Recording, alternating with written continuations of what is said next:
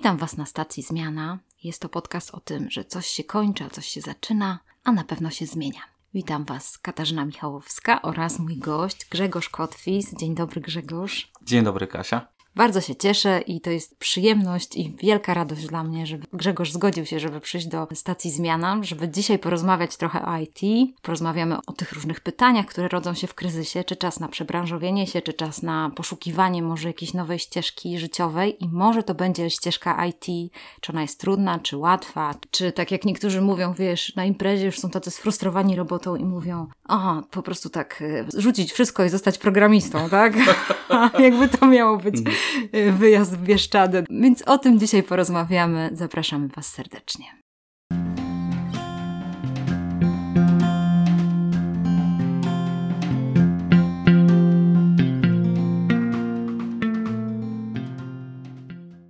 Ja bym Cię prosiła, na początku, jakbyś mógł przedstawić się troszeczkę, też powiedzieć o Twoim podcaście, który jest mhm. bardzo cenny, naprawdę fajnie go słuchać. Nazywam się Grzegorz Kotwis, jestem programistą już z ponad 15-letnim doświadczeniem. Aktualnie freelancerem od niedawna. Porzuciłem etat i działam już na swoim. Mógłbym powiedzieć, że pomagam programistom w rozwoju i podnoszeniu kompetencji. Między innymi właśnie prowadząc podcast Dev Session. Gdzieś w tym podcaście staramy się, bo już teraz właśnie mam też Monikę, która pomaga mi prowadzić prowadzić, e, poruszać różne tematy, które pomogą właśnie programistom, e, czy to rozwinąć kompetencje techniczne, czy też miękkie, które dzisiaj są bardzo, ale to bardzo ważne. Taki typowy programista w koszuli flanelowej dawno już się skończył. Zresztą widzisz, tutaj nie ma koszuli flanelowej. Jest no nie ma, nie Fajny ma. sweterek, można tak. powiedzieć. I No śmieję się, nie. Piwnica i koszule flanelowe to już mamy te czasy za sobą. Wizerunek programisty jest dzisiaj całkiem odmienny. Więc tak to wygląda. Jest, jest podcast, jest programowanie na co dzień, udzielanie się właśnie w społeczności, na LinkedInie, organizowanie różnych konferencji, live'ów. Aktualnie najbardziej chyba to wszystko jest skierowane do początkujących programistów, mhm. do juniorów, do osób właśnie wchodzących na rynek pracy. Mhm. Napisałam do Grzegorza i zaprosiłam go do naszej stacji Zmiana ze względu na filmik, który po pojawił się u haterów. Jason opowiedział tak na poważnie i to jakoś mnie ujęło. Myślałam sobie o tym, no tak, to pewnie oni dostają dużo takich zapytań. Ludzi, którzy są w różnej sytuacji i ja sama zrobiłam nawet sobie taki research po znajomych, na przykład po tych osobach, studentach, którzy już wyrośli ze studiów, prawda, już mają długie spodnie, a nie krótkie spodnie i duża część z nich przebranżowiła się. Świetna redaktorka po chemii, po Politechnice jest raz w IT. Pani doktor y, językoznawstwa jest w IT. Fotograf nasz próbuje się przebranżowić teraz. Też koleżanka, która była po geografii, jest w IT, jest testerką. Mhm. Więc widać, że tutaj jakoś jest ten kierunek, ale myślę, że dużo ludzi teraz w tej sytuacji kryzysu pracy zastanawia się nad tym, czy to jest łatwo wejść do IT. Często to się tylko wiąże z tym programowaniem. Tak myśli sobie, o naucz się oprogramowania, mhm. pójdź na kurs. Ja bym dzisiaj chciał obalić jeden mit że IT równa się programowanie. To na pewno tak to nie wygląda.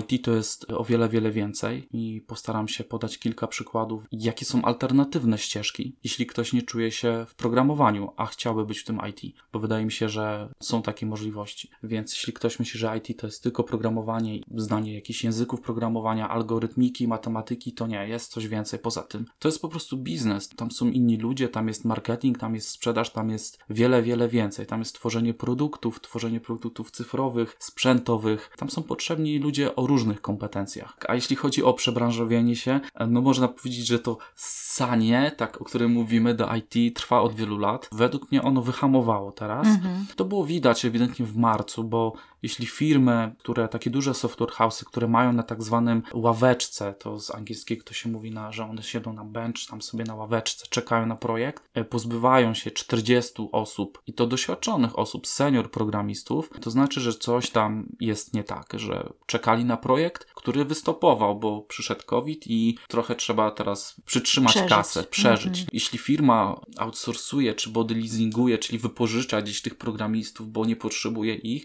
i to są osoby już z doświadczeniem, no to nie będzie szukała też juniorów. Skoro ma na pokładzie takich mhm. seniorów, no to po co im osoby, mhm. które wchodzą? Jest ewidentnie ciężej i to widać. To widać po różnych forach, to są pewnego rodzaju badania i na zasadzie ankiet, które pokazują, że coraz więcej osób, tych przybranżawiających się, nie szuka już pracy tak jak kiedyś, może trzy miesiące, tylko to jest już okres pół roku do roku Czyli nawet jeśli one skończą jakieś kursy, czują już się gotowe do wejścia na ten rynek pracy w IT, wysyłają CV, to okazuje się, że właśnie pół roku do roku czekają na jakiś, może i nawet odzew, na jakieś pierwsze rozmowy, albo w ogóle na podjęcie tej pracy. Nie ulegałbym tutaj takim marketingowym zabiegom różnych szkół programowania, które ten czas w ogóle już tak skróciły, że ja już widziałem ogłoszenia trzytygodniowe. No to na, na prosty chłopski rozum. Czy naprawdę w trzy tygodnie jestem w stanie konkurować z kimś, kto kończył studia, kto pracuje, nie wiem, już kilka lat? No ja nie widziałem takich cudów chyba w żadnej innej branży. No nawet jakbym chciał zostać piekarzem, upiec chleb. Czy nauczyłbym się piec dobry chleb w trzy tygodnie? No chyba nie. Poznałbym jakiś przepis mm -hmm. i może bym jeden, ten biały, mhm, oliwski, to tak. -hmm. No ale wiesz, tych chlebów jest 30 rodzajów, różne metody i to może taki trochę dziwny przykład. Na przykład mi to się kojarzy trochę z, może z jazdami, no bo jeżeli nie umiemy w ogóle jeździć, to jednak trzeba te godziny wyjeździć, żeby nauczyć się dobrze jeździć. Wiesz, zresztą to czy tak pilot, jak lata, no on jest dobrym pilotem wobec tych godzin, mm -hmm. które wylatał, sytuacji, które miał, problemów, które rozwiązał. I tak samo mi się to kojarzy z programistą, że programista musi rozwiązać pewną liczbę problemów, znaleźć jakieś rozwiązania,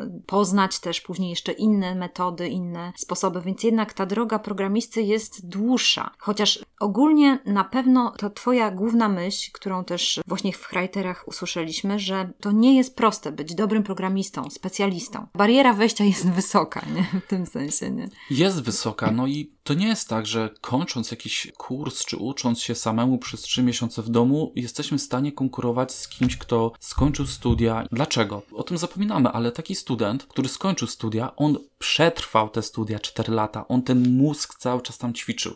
Może on miał warunki, może on miał tak, wiesz, kampanie wrześniowe, słabo mu szło na kolokwiach, ale jakoś to przetrwał. Stykał się z matematyką, z fizyką, e, stykał się z komputerami, stykał się z problemami, no jakoś ten mózg tam swój ćwiczył. Mm-hmm. No i teraz ty siadasz i w trzy miesiące masz zrobić taki, no nie powiem, że cały program, ale wiesz, rozwiązać ty, tyle tych problemów, to chyba trzeba by być jakimś cudownym dzieckiem, które rzeczywiście obijało i nagle, okej, okay, teraz mhm. się wezmę i w trzy miesiące zrobię to samo. No ja takich przypadków nie znam. Mhm. Naprawdę nie znam i tutaj ostrzegam właśnie, żeby nie ulegać tym pokusom e, tych takich marketingowych reklam, że w trzy miesiące zrobimy z ciebie programistę. Zrobią z ciebie programistę, który umie rozwiązać jeden, może dwa konkretne problemy. Bo tam na tych bootcampach kilka problemów się rozwiązuje, tworzy się jakąś aplikację. Ty będziesz w miarę dobry w zrobieniu tej aplikacji, może, bo może się okazać, że po tych trzech miesiącach, jak ja bym cię poprosił, zrób ją jeszcze raz od zera, bez pomocy materiałów albo z małą pomocą materiałów, ale już bez mentora, który prowadzi cię za rękę, się okaże, że nic, po prostu wielkie nic tam jest w tej mhm. głowie, bo to była taka dawka materiału, którą nagle twoja głowa niewyćwiczona zaczęła przyjmować, że no jest, no jest ciężko. Tak sobie myślę, że w sytuacji, kiedy ktoś jest przed taką decyzją przebranżowienia się, to prawdopodobnie nie jest bezpośrednio po studiach, tylko już ma zaliczonych kilka lat na rynku pracy. No, no nie wiem, albo jego branża się skończyła, siadła jakaś branża totalnie z powodu pandemii, tak jak widzimy tutaj branża gastronomiczna, weselna, to są branże, które zupełnie naprawdę ci ludzie mają teraz wielkie problemy. I to jest dramat, więc na pewno jakieś takie ruchy, które wykonuje się w czasie kryzysu, bo kryzys jest po to, żeby no, szukać tych rozwiązań, czyli na przykład często w czasie kryzysu inwestuje się w szkolenia, inwestuje się w to, żeby jakoś zmienić, żeby jakoś, mhm. nie wiem, skręcić, no to na pewno tutaj to nie jest nasza podpowiedź, że, że dużo czasu musimy oddać, żeby stać się specjalistą w tej dziedzinie. I na pewno nie będzie to łatwe w znalezieniu też pracy, bo tak sobie wyobrażam, patrząc z punktu widzenia pracodawcy, no to jeżeli na rynku coraz więcej pojawia się pracowników, którzy tracą pracę, jak mówię, seniorów, którzy programują, no to ja bym raczej wolała tych, czyli mamy coraz więcej też konkurencji w tej dziedzinie. No, no, pewnie, że tak, bo mhm. ten, ten senior, który tam w marcu przez chwilę mógł się poczuć zagrożony, on już, on już pracuje dawno. To nie ulega wątpliwości, że na 100% znaleźli projekty, bo to był taki chwilowy postój i ci bardziej ogarnięci są bardziej aktywni i w sieci, i w poszukiwaniu pracy, pracy, już nie siedzą, nie patrzą w okno i czekają na, na telefon od rekrutera, to, to spokojnie sobie e, znaleźli te, te projekty, ale tych młodych, młodych, ja nazywam ich młodych nie ze względu na wiek, czy tak. tych młodych stażem wchodzących IT, mhm. jest, jest bardzo dużo i oni konkurują między sobą. Studenci kończą uczelnie, wchodzą na rynek, wchodzą ludzie po bootcampach, wchodzą samoucy. To jest tak wiele aspektów, bo właśnie też w podcaście Dev Session Junior rozmawiamy o tym i jak ja widzę, wiesz, na Facebooku, ciągle te same pytania. Na przykład standardowe pytanie pytanie, jaki język programowania wybrać na start. No i ktoś powie, idź w Java, bo w Javie jest bardzo dużo pracy. No i jest, bo wystarczy zrobić research, wchodzisz na portale pracy, Just Join, Pracuj IT, Pracuj.pl, no różne, nie chcę tam mhm. reklamować. Wyfiltrujesz sobie język Java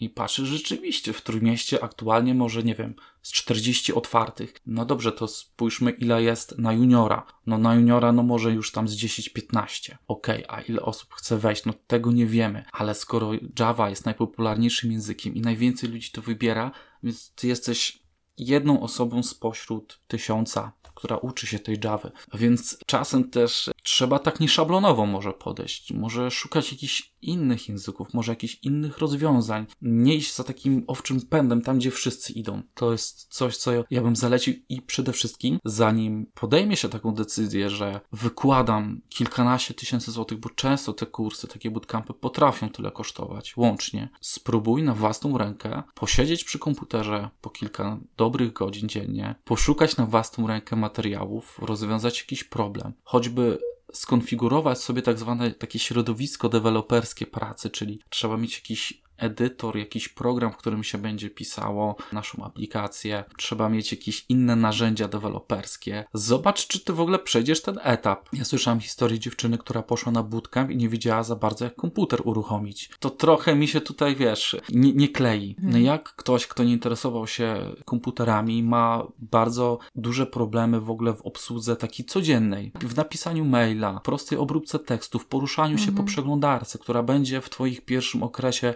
nauki po prostu codziennością, wyszukiwanie materiałów w Google czy, czy gdzie indziej. Nie mając takiej styczności z komputerem, takiej podstawowej znajomości, jak on działa, teraz iść w IT, w programowanie, trochę chyba kurczę, za dużo sobie bierzemy na głowę, wydaje mi się w mhm. tym momencie, nie? Co innego, jak są takie historie, że ktoś za dzieciaka się bawił, ale potem poszedł na chemię, bo rodzice, bo nie wiem, bo było łatwo się dostać, bo mało punktów potrzeba było i wiesz, i wraca po latach. To jest inna bajka, bo jest ten drive, jest to zacięcie, mu to może zostało z lat młodzieńczych i ta mentalność i on szybciej w to wejdzie. Będzie miał problemy pewnie jakieś, ale właśnie te problemy się okażą może i ciężkie, ale on nie zwątpi, nie? Mhm. To nie jest tak, że przy pierwszym napotkaniu problemie powie e, kurczę, nie, nie idę w to programowanie, -hmm. nie wiem, zrobię kurs na kosmetyczkę może tak, teraz, czy, tak. czy coś, bo programowanie to jest i nauka to jest proces, to jest ciężki proces i mm. tam będzie bardzo dużo problemów. Te problemy nie znikają, ja nawet po 15 latach też mam te problemy, coś mi nie działa, nie wiem dlaczego działa, bo nie mam takiej wiedzy, mam doświadczenie, które mi pomoże jakby rozwiązać albo spróbować, wiesz, kilka -hmm. prób, wiesz, jak rozwiązać ten problem, ale no nie działa, nie wiem czemu, widzę jakieś znaczki, krzaczki i teraz co zrobić? Mhm. No to do przeglądarki, to szukam, pytam i pojawiają się problemy takie. Nie wiem, jak sformułować dobre pytanie, jak zapytać ludzi na forum. To jest częsty problem, że widać na, na, na Facebooku, na grupach, że te osoby początkujące nie wiedzą, jak zadać dobre pytanie i nie dostaną wtedy odpowiedzi, bo mhm. ludzie nie chcą odpowiadać już na takie pytania, mhm. bardziej doświadczone osoby. Cała rzesza problemów dookoła. Język angielski. Jeśli ktoś nie korzystał z języka angielskiego przez 50 lat, to wchodząc do programowania, będzie się męczył nie tyle z programowaniem, tylko z językiem angielskim. Narzędzia po angielsku, kod pisany w języku angielskim,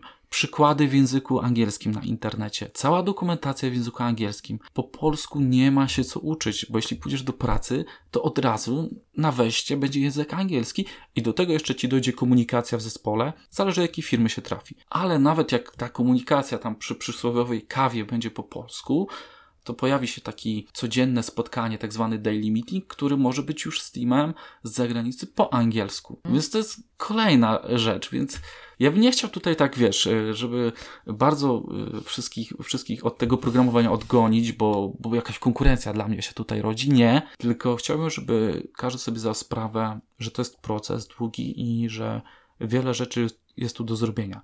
To nie jest niemożliwe, to jest osiągalne i tak jak ty masz przykłady ja też mam przykłady, o których możecie posłuchać. Ja na koniec Kasi dam linki, czy to do Eli Mościckiej, rekruterki, jest teraz programistką w Microsoftie, czy to Karol Grabowski, który był u mnie gdzieś tam na początku, radca prawny, który dzisiaj jest programistą. Są przykłady, ale to też nie są takie przykłady, że tych ludzi jest tysiące. Mhm. Za takim pojedynczym przykładem, który jest sukcesem, prawdopodobnie kryje się 10 albo 20 porażek innych osób. Nawet jak kończą taki bootcamp, to potem nie dostają pracy, coś nie zadziałało, skończyły go na siłę, bo, bo kasa wydana, ale to jednak było nie to. Próba na własną rękę. Tutaj otwiera nam się następna rzecz. Właściwie my wchodzimy do takiego drugiego pokoju tematycznego, bo wiem, że czasami ludzie mają takie skojarzenie, że właśnie myślą o IT, a mówią o programowanie. I wydaje mi się, że tutaj może być ten błąd, i gdzieś tam w swoich poszukiwaniach oni idą tą ścieżką programowania. Niekoniecznie to jest w ogóle po ich kształcie. Jedna sprawa jest taka, że,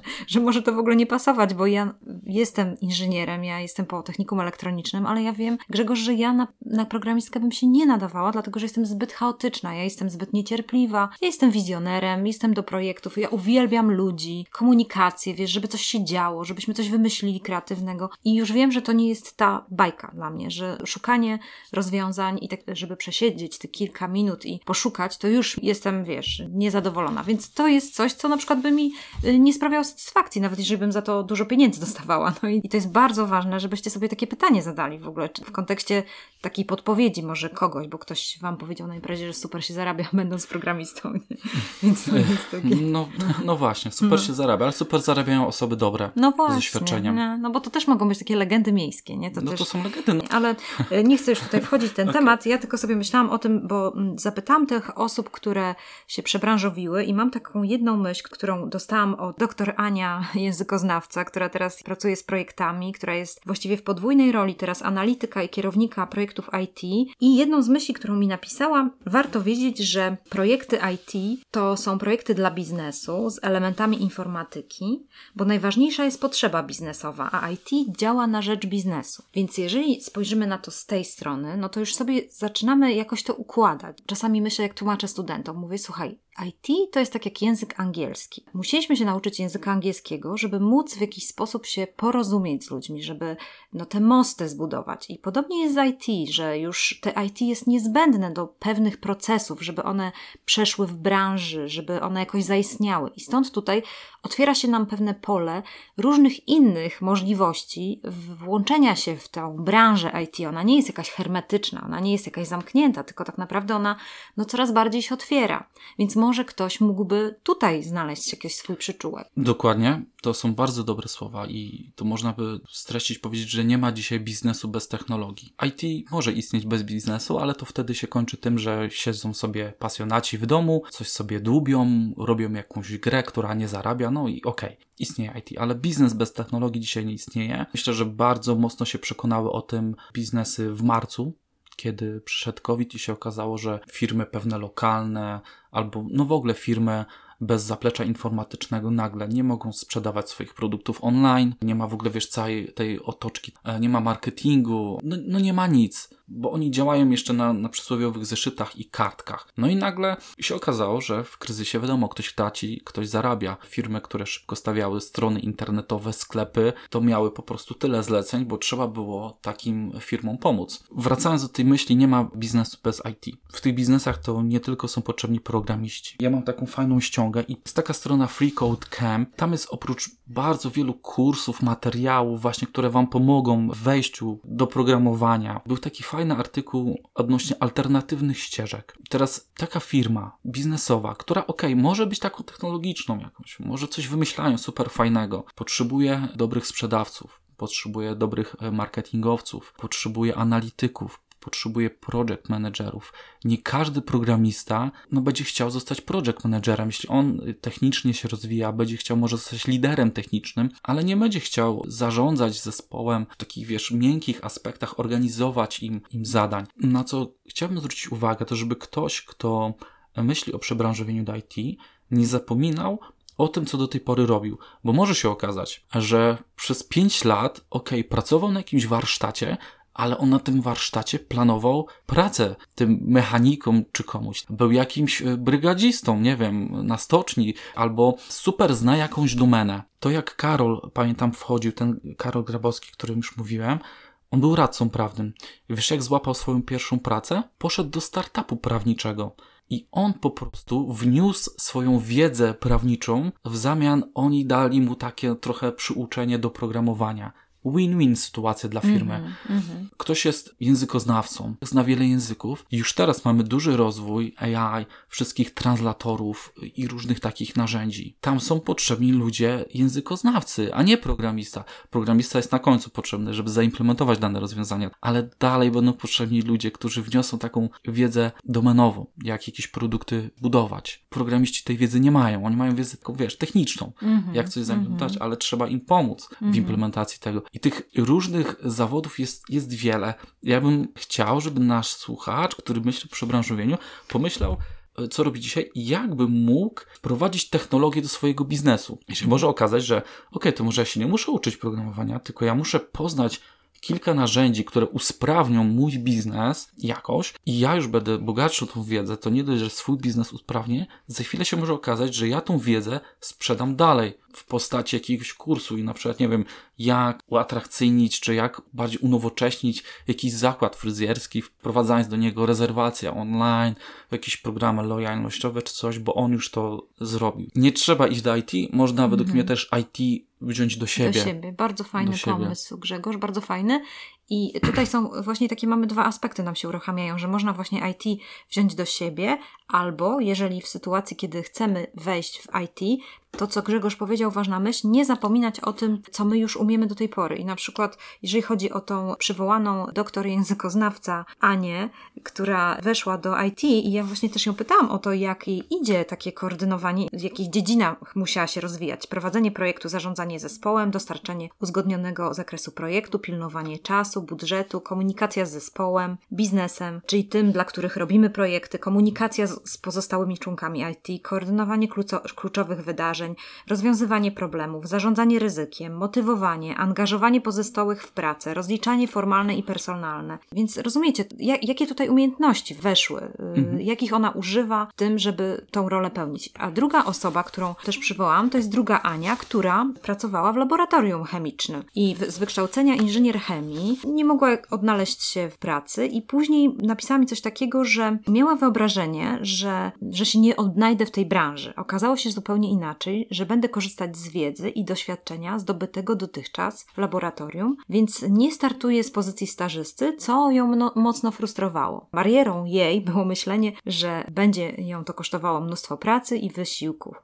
I kolejny raz zaczynam od zera. Budowanie swojej pozycji zaufania u pracodawcy. Więc bardzo często też z takimi obciążeniami człowiek wchodzi, że kurczę, znowu wszystko od zera zaczynam. Tak, ktoś, kto pracował w wieży 10 lat, doszedł już nawet do jakiegoś statusu finansowego, nagle jeszcze inwestuje w, w kurs, idzie na stażystę i musi na przykład przez kilka miesięcy pracować za darmo. Dla niektórych to jest bariera nie do przejścia, a czasem niestety, ale konieczna może się okazać, że no, trzeba swoje doświadczenie jakoś zdobyć i trochę obniżyć te może wymagania na początek. Będzie bardziej krucho, dostanę tą pensję juniora, jeśli już się tam gdzieś dostanę i z czasem wrócę gdzieś na, na, na jakiś poziom. No to jest krok, który może być nieunikniony, ale właśnie, no wykorzystajmy to doświadczenie, może zróbmy jakieś są te testy Galupa, jakieś, jakie ja mam kompetencje, bo część osób w ogóle nie ma świadomości. Myślą, no okej, no w sumie to pracuje 5 lat i nie zastanawia się, jakich kompetencji miękkich używa na co dzień, bo to jest taki, wiesz, już automat, nie? Mhm.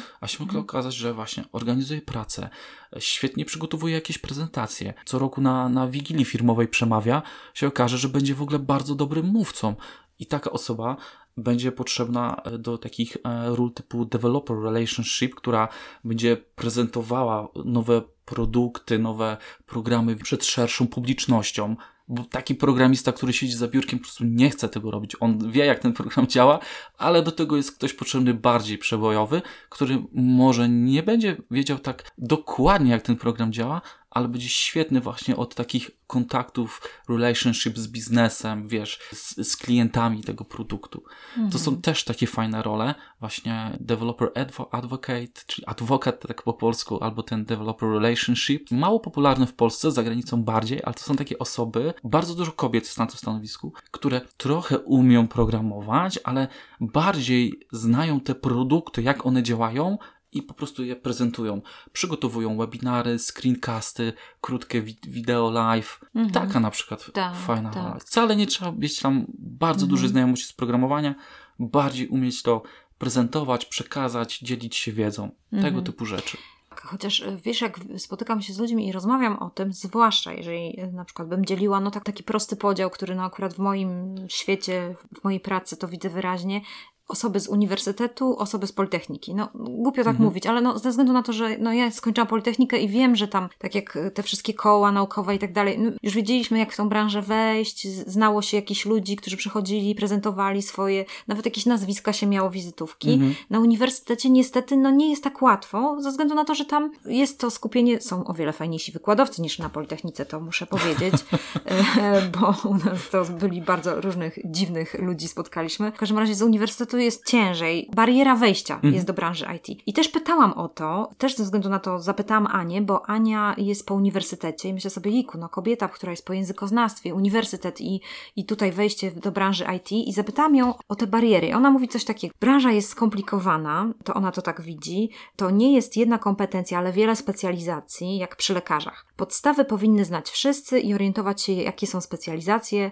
czym innym jest administrator, serwisant, kierownik projektu, to trochę o tym mówiłeś. Do każdej z tych specjalizacji potrzebna jest inna mocna strona, dlatego jeśli pełnisz rolę kierownika projektu, to musisz znać e, każdą z tych ról i tak dalej, ale taką jedną rzeczą ona powiedziała, że dużą barierą wejścia jest też język, to też powiedziałeś, trzeba znać fachowe słownictwo i umieć czytać dokumentację po angielsku. E, jeżeli chodzi o język, że to jest e, język hermetyczny i to jest kłopot dla ludzi, że nie rozumieją, bo to jest tak zwana, no to się śmieją tam, wiesz, z branżuni, nie? Branżunia. Mhm, branżunia, no to tam Ale jest coś w tym, że jednak... Y, jakby, Wpadamy w nowe no, środowisko. No właśnie. Nowe środowisko, mhm. które wyrosło na technologii. Jest tej nowomowy bardzo dużo.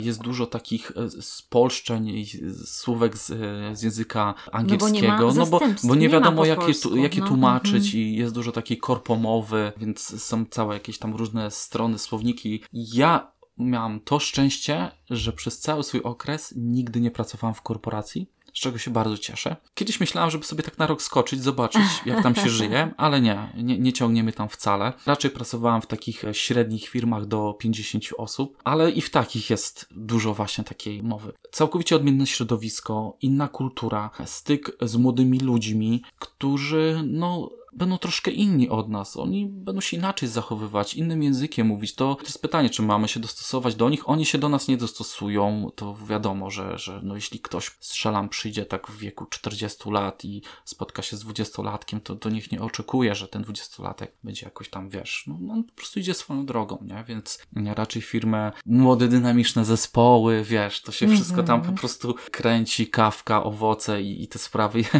no jest, jest, jest inaczej. I teraz, czy komuś to odpowiada?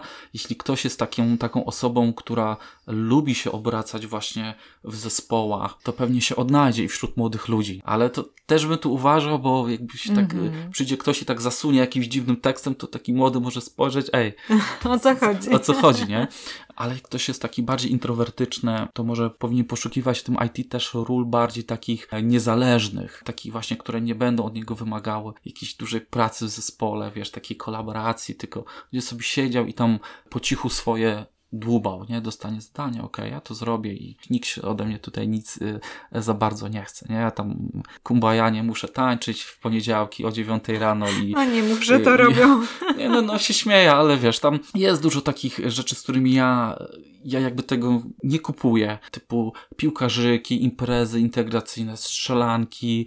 Uciekam od czegoś takiego, żeby to firma organizowała mi mój czas wolny i to, co ja chcę. To wcale nie oznacza, że nie jestem jakimś graczem zespołowym, bo uważam, że jestem dobrym graczem zespołowym, ale PlayStation i tak dalej, no mogę pograć sobie w to w domu. E, jeśli chcę, z chłopakami mogę sobie wypić dobrą kawę w, w czasie pracy, nie? Mm -hmm, Więc mm -hmm. są różne klimaty. Na -hmm. pewno wiele może się zmienić rzeczywiście, nie? Dla takiej osoby, która nagle wejdzie do takiej dużej międzynarodowej firmy i tam kolorowo świeci się, no i każdy przy komputerze. Wiele może się zmienić.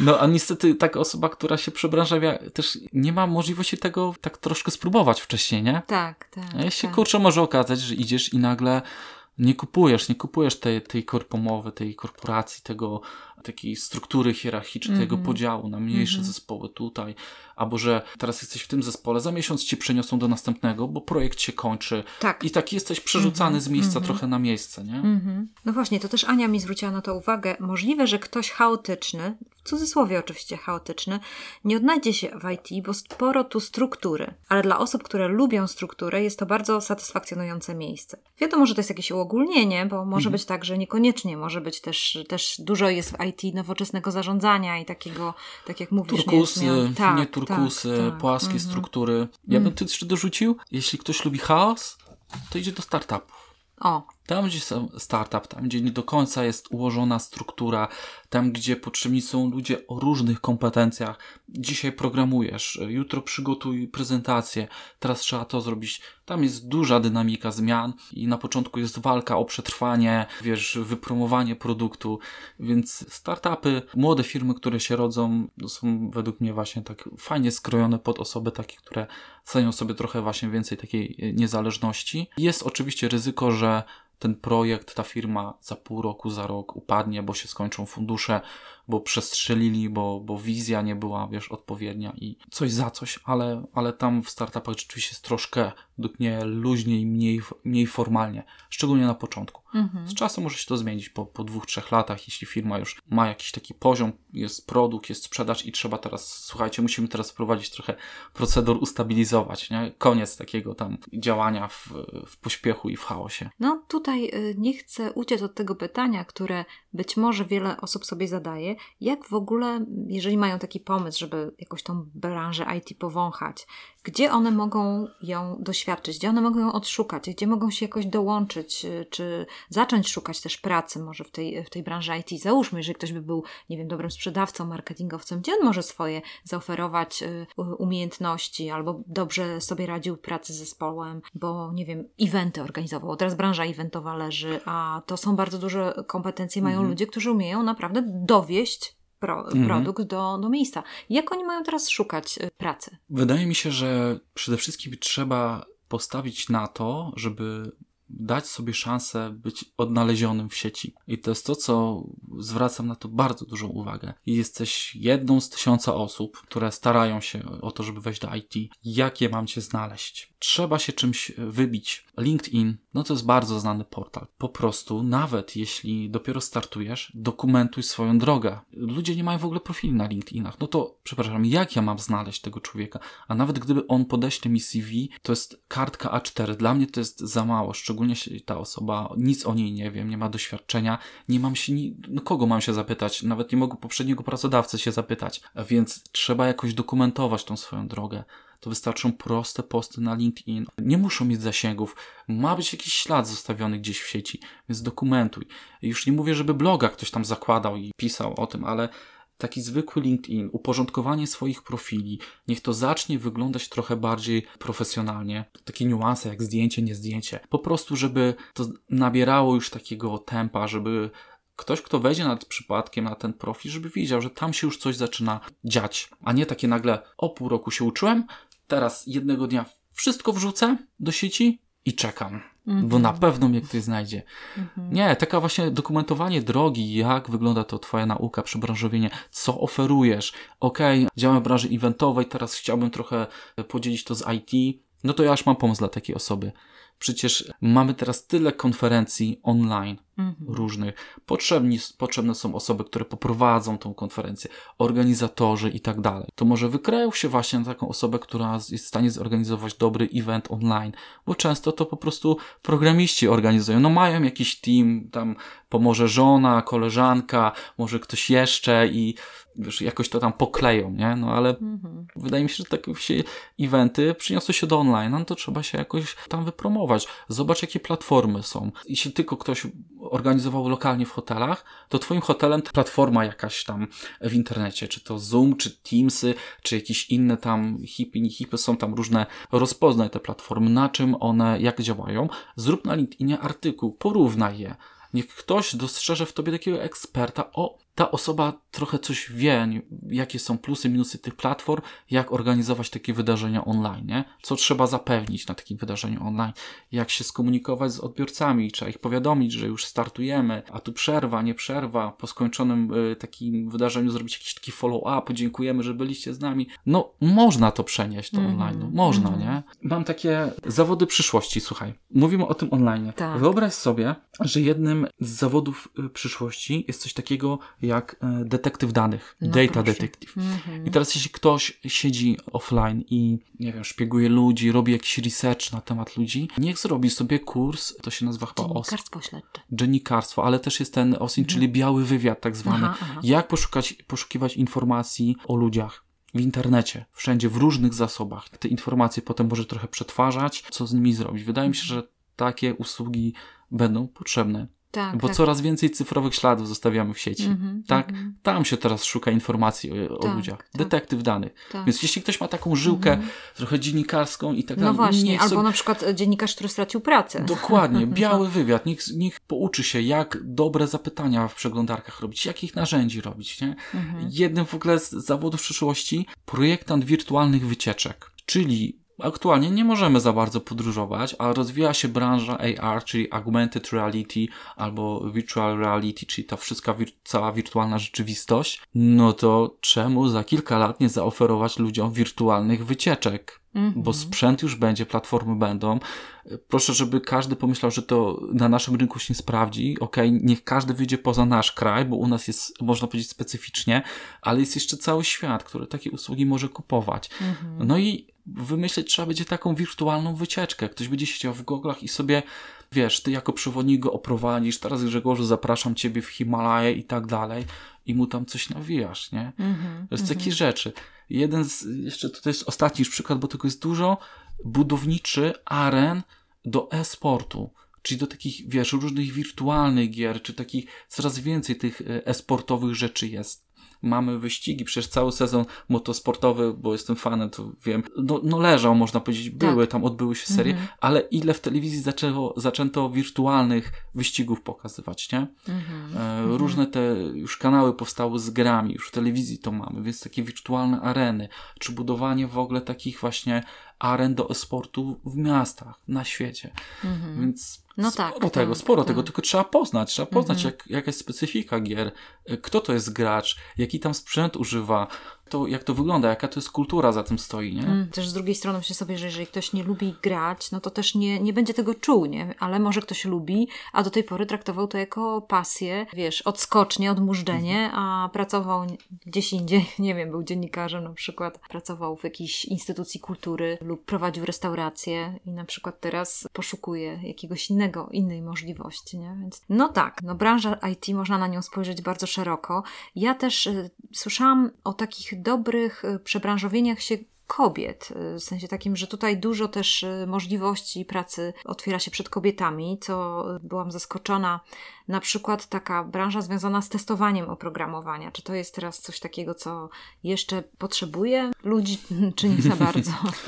też już pewnie. Powiedział, że ten rynek testerski się mocno nasycił. Mm-hmm. I bo było trochę rzeczywiście szkoleń, szkoleń. Szkoleń, tak, no, bo mm-hmm. stosunkowo łatwo można było tam o, może nie łatwo, lżej niż programowanie, bo mhm. taki tester manualny to osoba, która często po prostu dostaje e, aplikację do przetestowania, ona nie musi do końca znać programowania, dostaje tak zwane przypadki testowe i według jak książki kucharskiej kliknij tu, kliknij tam, zobacz czy w tym polu ustawiła się taka wartość i to jest taka na zasadzie powtarzam jakąś czynność i patrzę czy wyniki tej czynności są takie, jakie powinny być zgodnie z tym przypadkiem testowym trochę taka małpia praca, można powiedzieć. Coś jak księgowy, czy ktoś, kto wiesz, po prostu -hmm. uzupełnia wpisy w książce. No taka mhm. manualna. Nie za ciekawa, bo po czasie rzeczywiście wchodzi rutyna, no bo przychodzisz na drugi dzień do pracy, i ty jeszcze raz testujesz ten sam przypadek testowy. Mm -hmm, I tak codziennie, i tak codziennie, i tak codziennie, bo wyszła nowa wersja programowania, no ale trzeba potwierdzić, czy ten przypadek testowy nadal działa. Działa. Mm -hmm. Więc jest to jakiś taki pierwszy etap, tester manualny. Potem można się bardziej specjalizować, poznać języki skryptowe,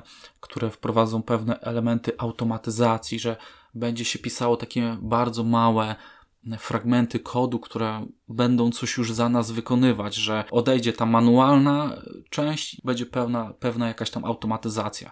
I to się idzie dalej, dalej w automatyzację i można bardziej już tak się specjalizować w tym zawodzie testera, robić różne też i certyfikaty. No aczkolwiek, no mówię, to testowanie manualne mnie to nigdy nie kręciło, ale rzeczywiście może być to jakaś forma wejścia. Tylko tu bym spojrzał, ile rzeczywiście firm potrzebuje takich testerów, mm -hmm, bo mm -hmm.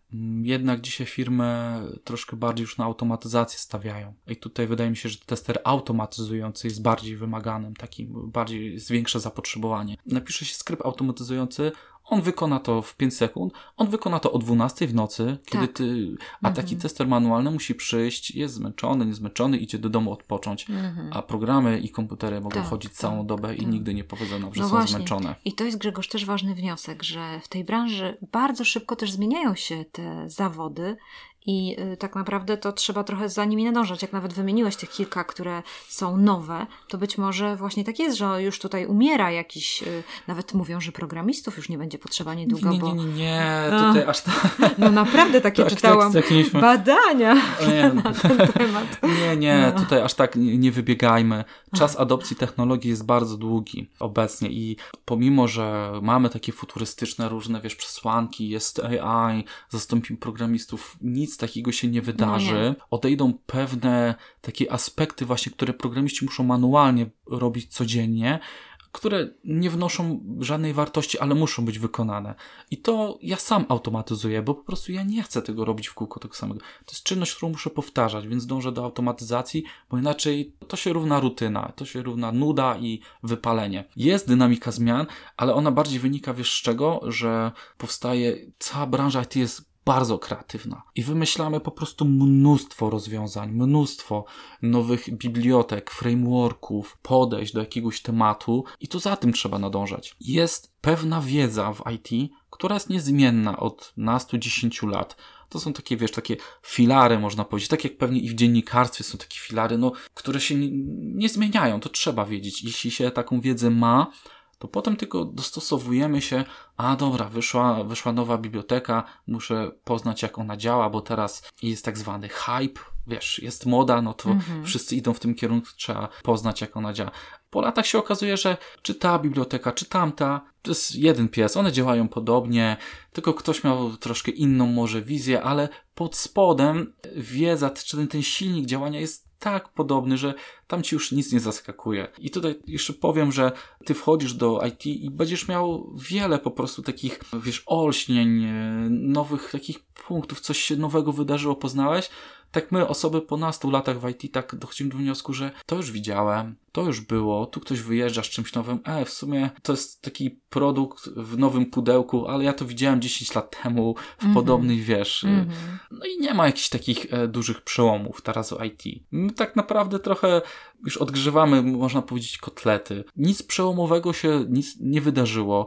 Mm, jest coś takiego jak quantum computing, czyli komputery kwantowe, ale one gdzieś są w ogóle odlegle. A te pecety, te laptopy, na których pracujemy, to są podobne architektury od lat gdzieś tam 90. Okej, okay, procesory się rozkręcają, coraz więcej są w stanie obliczyć, ale nie ma jakichś takich dużych przełomów. Więc mhm. bardziej tutaj y, wymyślamy różne produkty, które pomogą ludziom w życiu rozwiązać o, właśnie. problemy. I chcesz wejść do IT, to zastanów się, jaki twoja branża ma obecnie problem. Mhm. Czy taka budownicza, przemysłowa, czy cokolwiek tam wykonujesz na co dzień, zastanów się, jak IT mogłoby pomóc e, rozwiązać ci jakieś problemy. Zautomatyzować coś, usprawnić, żeby twój biznes się wyskalował. Na przykład robisz coś dziennie przez 5 godzin, może może to zastąpić jakaś maszyna albo jakieś oprogramowanie. Będzie ci tą sprawę załatwić pół godziny, a ty 4,5 godziny przeznaczysz na wymyślanie nowego biznesu, na, na cokolwiek innego. To jest jakiś pomysł, ale wtedy skąd wziąć ludzi do współpracy, że taka osoba wpadła na to. No i teraz jakby miała się zwrócić gdzieś y, do jakiejś, y, nie wiem, jakiejś społeczności, żeby znaleźć mhm. ludzi do współpracy. To jest bardzo trudne przecież, żeby znaleźć taki zespół. E, bardzo trudne. No chyba najgorsza sytuacja jest taka, bo ktoś, osoba techniczna, programista, jak wpadnie na jakiś pomysł, to produktu to szybciej to zrealizuje, ma to mhm. zaplecze technologiczne. Tak. W drugą stronę, tak jak mówisz, jest, jest gorzej. Jeśli miałbym naprawdę wizję jakiegoś produktu, mocną wizję, wstępnie przemyślany plan biznesowy, jak to sprzedawać, jak marketing pod to ułożyć. Nawet proste zapytanie się kilkudziesięciu osób w otoczeniu. Słuchaj, czy byłbyś zainteresowany takim produktem? Co ty o tym sądzisz? To w ogóle pierwszy krok. Po co iść do IT? Zapytaj w ogóle, czy to ktoś kupi, tak? Tak. Czy jest zapotrzebowanie, bo ja osobiście też mam przekonania, że to, co wymyśliłem wczoraj, to, że to kupi cały świat, że po prostu już wiesz, Mhm. wizję mam po prostu jak ten produkt będzie rozchwytywany, a potem jest zdarzenie z rzeczywistością, nie? Mhm. Więc y, jeśli miałbym taką wizję i tak dalej, to jakbym nie chciał szukać na własną rękę, to zgłosiłbym się do y, inkubatorów. Czyli mamy tu w Gdańsku na Przymorzu Starter, w każdym mieście, mniejszym, większym w Polsce naprawdę tych inkubatorów już trochę jest. Pochodziłbym na jakieś takie właśnie konferencje biznesowe, mm, czy może jakieś technologiczne, tam poszukał ludzi. Tylko teraz ich nie ma, one są w online, więc Mhm. trzeba to przenieść do online'u. Mhm. Na LinkedInie właśnie porozpisywałbym się o tym swoim produkcie, że szukam ludzi, może ktoś się zgłosi. I tutaj jedna uwaga, twój pomysł jest naprawdę nic nie wart. Często ludzie się boją, nie, nie, ja, ja się boję napisać o tym, bo mi to ktoś ukradnie i, i wiesz, to, a to jest moje takie pomysły są nic nie warte. Uwierzcie, my mamy tyle pomysłów. Ja z takim kolegą Szymonem często rozmawiam i co tydzień, co dwa tygodnie mamy nowe pomysły na, na biznesy, a tak naprawdę no, no one nie wychodzą. To, to, to tak nie jest, że ktoś weźmie i ukradnie. No, no nie, no są firmy, które mają naprawdę swoje pomysły, z którymi nie wychodzą, mają w szufladach. Dlaczego mieliby twój przełomowy? Raczej pewnie nie jest przełomowy. On Mhm. może rozwiązuje jakiś dany problem, ale Mhm. to nie jest tak, że ktoś wiesz, No weźmie tak. i ukradnie. A to jest najczęstszy problem. Mhm. Idzie ktoś do sieci i mówi tak, nie? Na grupie na fejsie. Słuchajcie, bo ja mam taki pomysł, ja mam taki biznes, przekalkulowałem tam stopa zwrotu będzie taka i taka, no i szukam ludzi do tego biznesu. I wiesz. I konsternacja, nie? W odpowiedziach. I, i już e, są takie ironiczne odpowiedzi już, bo ludzie wiedzą o co chodzi. Nie no, super, słuchaj, wchodzę w to w ciemno, nie? I wiesz. Pożyczki naprawdę. Do, do, i, i, nic nie napisał, w ogóle o co chodzi. Tak, e, tak, tak. Wiesz, no, Mhm. No. więc jaki już jest ten pomysł, to, to nie bać się go przedstawiać, e, gdzieś to, tą e, wizję promować. Potem właśnie prędzej taki programista przyjdzie do ciebie, jeśli będzie wiedział, co ty chcesz zrobić, że za tym stoją konkrety, niż takie, wiesz, bujanie w obokach. Wiesz, ile po prostu jest pomysłów na stworzenie drugiego Facebooka? No Wiem, po prostu co, co chwilę ktoś z tym wyjeżdża, no Tak, i widzisz te drugie Facebooki gdzieś? No niestety. No nie ma ich, nie? Mhm, mhm. No tak, Więc- tak. Tak, zazwyczaj pomysł się obraca wokół Facebooka, więc widać, że ciężko nam przebić ten szklany sufit No, to, tak, innowacyjności. tak, to właśnie, tak to właśnie wygląda. No nie? tak, tak. No ciekawe, to więc tutaj są takie dwa obszary, o których mówi Grzegorz. Niekoniecznie będzie to e, sprawa, zwłaszcza jeżeli chodzi o takich ludzi, którzy są no, przedsiębiorczy, którzy szukają rozwiązań, to może jest to właśnie, żeby wziąć we własne ręce, żeby starać się, tak jak mówi Grzegorz, wyskalować swój biznes poprzez jakiś pomysł i włączenie do, do tego projektu innych ludzi, na przykład programistów do naszego pomysłu, to, ale wydaje mi się właśnie, że w tej branży, żeby przebić i wejść do branży IT, no to tutaj trzeba się bardziej otworzyć. Jest to trochę z takim otwarciem powiązane, właśnie tak jak mówisz, nie? Nawet ten LinkedIn, nawet to powiedzenie o sobie, Mhm. to jest y, czymś takim, no co może otworzyć wiele drzwi. Ja też sama tego doświadczyłam, bo i powłączałam się i byłam na jakimś hackatonie i na Geek Carrots, y, te Mhm. spotkania kobiet, bardzo fajne, tam po, poznałam dziewczyny. Wydaje mi się, że w ogóle takie te spotkania integrujące środowisko, czy na przykład y, kiedyś CV Hub stworzyliśmy taką y, platformę, żeby ludzie mogli rozwiązywać problemy społeczne, bo ja ogólnie mam taką wrażliwość społeczną, bardzo bym chciała, żeby, żeby tutaj wchodzić w płaszczyznę społeczną i więcej problemów rozwiązywać, żeby ludzie mieli łatwiejsze życie, mogli łatwiej się porozumiewać, więc widzę bardzo dużo tutaj możliwości i, i wydaje mi się, że to, że to jest coś takiego, chociaż ja to rozumiem, ludzi, którzy są w takiej sytuacji, że wiesz, pali się gleba, nie mamy roboty.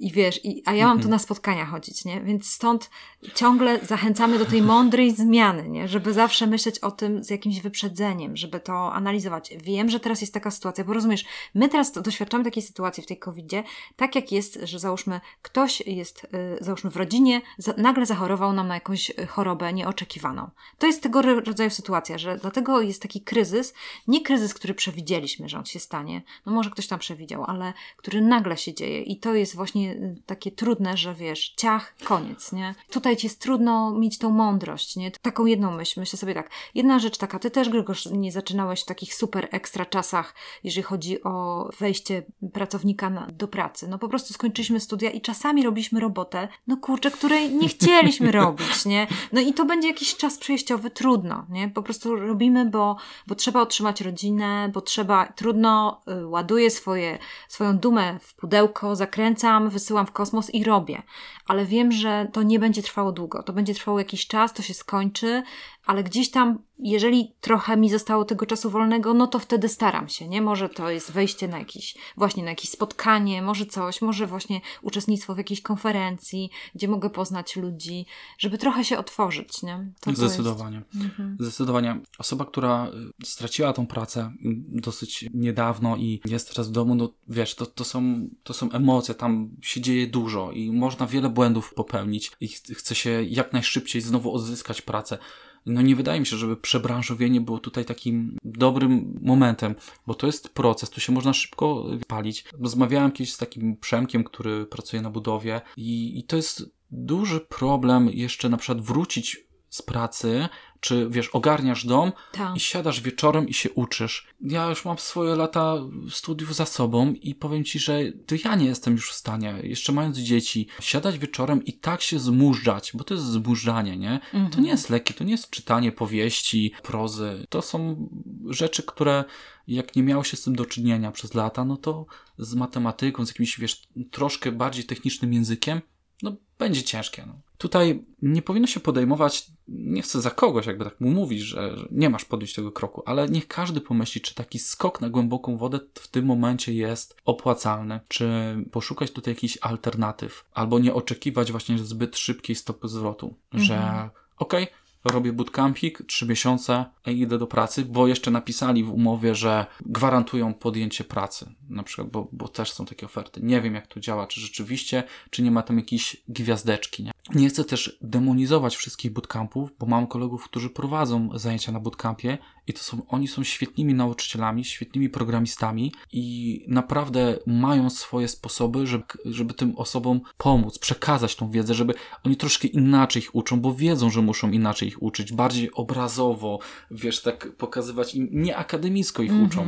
ale kiedyś e, kolega właśnie, który prowadzi, powiedział, wiesz co, Grzesiek, ja po pierwszych dwóch dniach takich zajęć bootcampowych już wiem, ile z tych osób, 20, podejmie pracę, ile ich to kręci i, i, i wejdzie do tego IT, mm -hmm, nie? Mm -hmm. On mówi, no jest bardzo dużo ludzi takich trochę z przypadków, którzy chwytają się po prostu, bo są w tragicznych sytuacjach. To, to nie chodzi o IT, kiedyś było w innych branżach, mm -hmm. nie? Mhm. Szli na jakieś ludzie tak. kursy, nie wiem, zostawali, albo wchodzili w ten cały jakiś taki marketing, ML, czy jakiś taki, no ludzie popełniają w takich, w takich e, czasach e, różne błędy, no i też niektórzy żerują na tym, no bo mm -hmm. jest mm -hmm. zapotrzebowanie, no to dawaj, teraz wyskoczymy z czymś i tam sprzedają swoje usługi, wiesz, bez takich gwarancji, bo wiedzą, że, że, że jest potrzeba. Mm. No to jest taka trochę czarna strona, ale no chciałbym, żebyście sobie zdawali, drodzy słuchacze, z tego, że to też tak. tak, może być. Tak. Że to nie jest taka kraina mlekiem i miodem płynąca. No Grzegorz, lądujemy w tej rozmowie i jedną z rzeczy, którą bardzo chciałam Was zachęcić do tego, żebyście posłuchali też właśnie tych rozmów, o których mówił Grzegorz i Ty podejmujesz też te tematy związane z, z tą branżą, więc z całego serca odsyłam do Ciebie, żeby mogli po prostu Ciebie trochę posłuchać więcej, jeżeli myślicie o tym, ale wydaje mi się, że kurczę, no jednak trzeba szukać mądrych doradców, nie? Żeby po prostu no, mądrze się zapytać, nie, nie polecieć za jakimś takim, no jedna sprawa za kasą, taką wiecie, mhm. pseudo, bo to jest tak jak pożyczki na procent czy coś, nie? Łatwa kasa się wydaje, to nieprawda jest, nie? To, no bo to wiesz, często, często jest tak, mi się wydaje, że ludzie po prostu takiego, wiesz, mają wyobrażenie tego złotego grala, że mhm. gdzieś tam jest to piękne życie. No, no, tak, no nie ma, tak, no, no, no, po prostu nie ma, no zawsze, kurczę, no to jest trochę pod krew i łzy, nie? I, i dużo mhm. porażek i, i różnych takich rzeczy. Tak mi się wydaje, nie? To, to takie Tak, no i Mhm. widzimy e, no co najbardziej widzimy? Widzimy takie success stories, No. takie historie sukcesu, Tak, a tak. rynek programistów, nie wiem, ma kilkaset pewnie tysięcy osób, a zobaczymy 3-4 artykuły z jedną osobą, która pracuje, nie wiem, w Dolinie Krzemowej, zarabia kilkadziesiąt tysięcy miesięcznie. Mhm. To jest pojedynczy przypadek. Prawdopodobnie osoba, która od małego jeździła na jakieś olimpiady, kursy, wytrwała w tym i, i siedzi do, do dzisiaj. Nie? Tak. A reszta po prostu przychodzi do pracy, robi swoje, idzie do domu. Branża IT ma, ma wiele odsłon. To Mhm. nie jest tylko tak, wiesz, Mhm. same sukcesy. Tak, I, tak, tak. Wydaje mi się, że to chyba jest dobry wniosek z naszej rozmowy, żeby chodzić po ziemi, nie? żeby Mhm. twardo chodzić po ziemi, żeby rozmawiać z ludźmi szczerze, podzielić się, tak jak mówisz Grzegorz. Też właśnie chyba zachęcam do tego, żeby się nie wstydzić tej sytuacji, że straciliśmy pracę, czy jesteśmy w takiej trudnej sytuacji. Po prostu gadajcie z przyjaciółmi, znajomymi. To nie dajmy się po prostu tak za, mm, do takiego rogu przycisnąć, Mhm. nie? Do takiego, że wiesz, zamykam i tyle, nie? A programowanie jest fajne. I ja zachęcam. Jeszcze tak na koniec, żeby to tak nie zabrzmiało, fajny słuchajcie. Grzegorz. Programowanie jest kreatywne, rozwiązujecie problemy. Nie ma po prostu nic lepszego niż siedzenie nawet kilka godzin na czymś i okazuje się, że zapomniało się jednej literki, albo gdzieś jakiś, wiesz, mały błąd, albo walka ze sprzętem, komputer ci się zawiesi, uruchom ponownie, wiesz, słynne włącz-wyłącz. E, Jest wiele na, naprawdę fajnych rzeczy i można trafić do projektu, które naprawdę rozwiązują problemy świata. To są projekty, które niewiele wnoszą, ale są też takie, albo samemu można wymyślić, które będą realny problem rozwiązywać na świecie. Tak. Naprawdę jest jeszcze Tak. wiele do zrobienia, także Super, super. to tak więc- na koniec, no żeby właśnie, jakoś, właśnie. wiesz, pozytywnie trochę zakończyć No ten nasz tak, tak, no to e, jest fajne. odcinek. Pewnie, pewnie. Grzegorz, naprawdę jesteś najmilszym programistą, jakiego znam, naj, najsympatyczniejszym. Wpisujecie na moją listę top of the top. Dziękuję Ci, O, za, dziękuję Ci bardzo. dziękuję Ci za tą rozmowę. Dziękuję Ci, że zechciałeś przyjść na stację Zmiana. Dzięki za zaproszenie. Wszystkiego dobrego. Wszystkiego dobrego.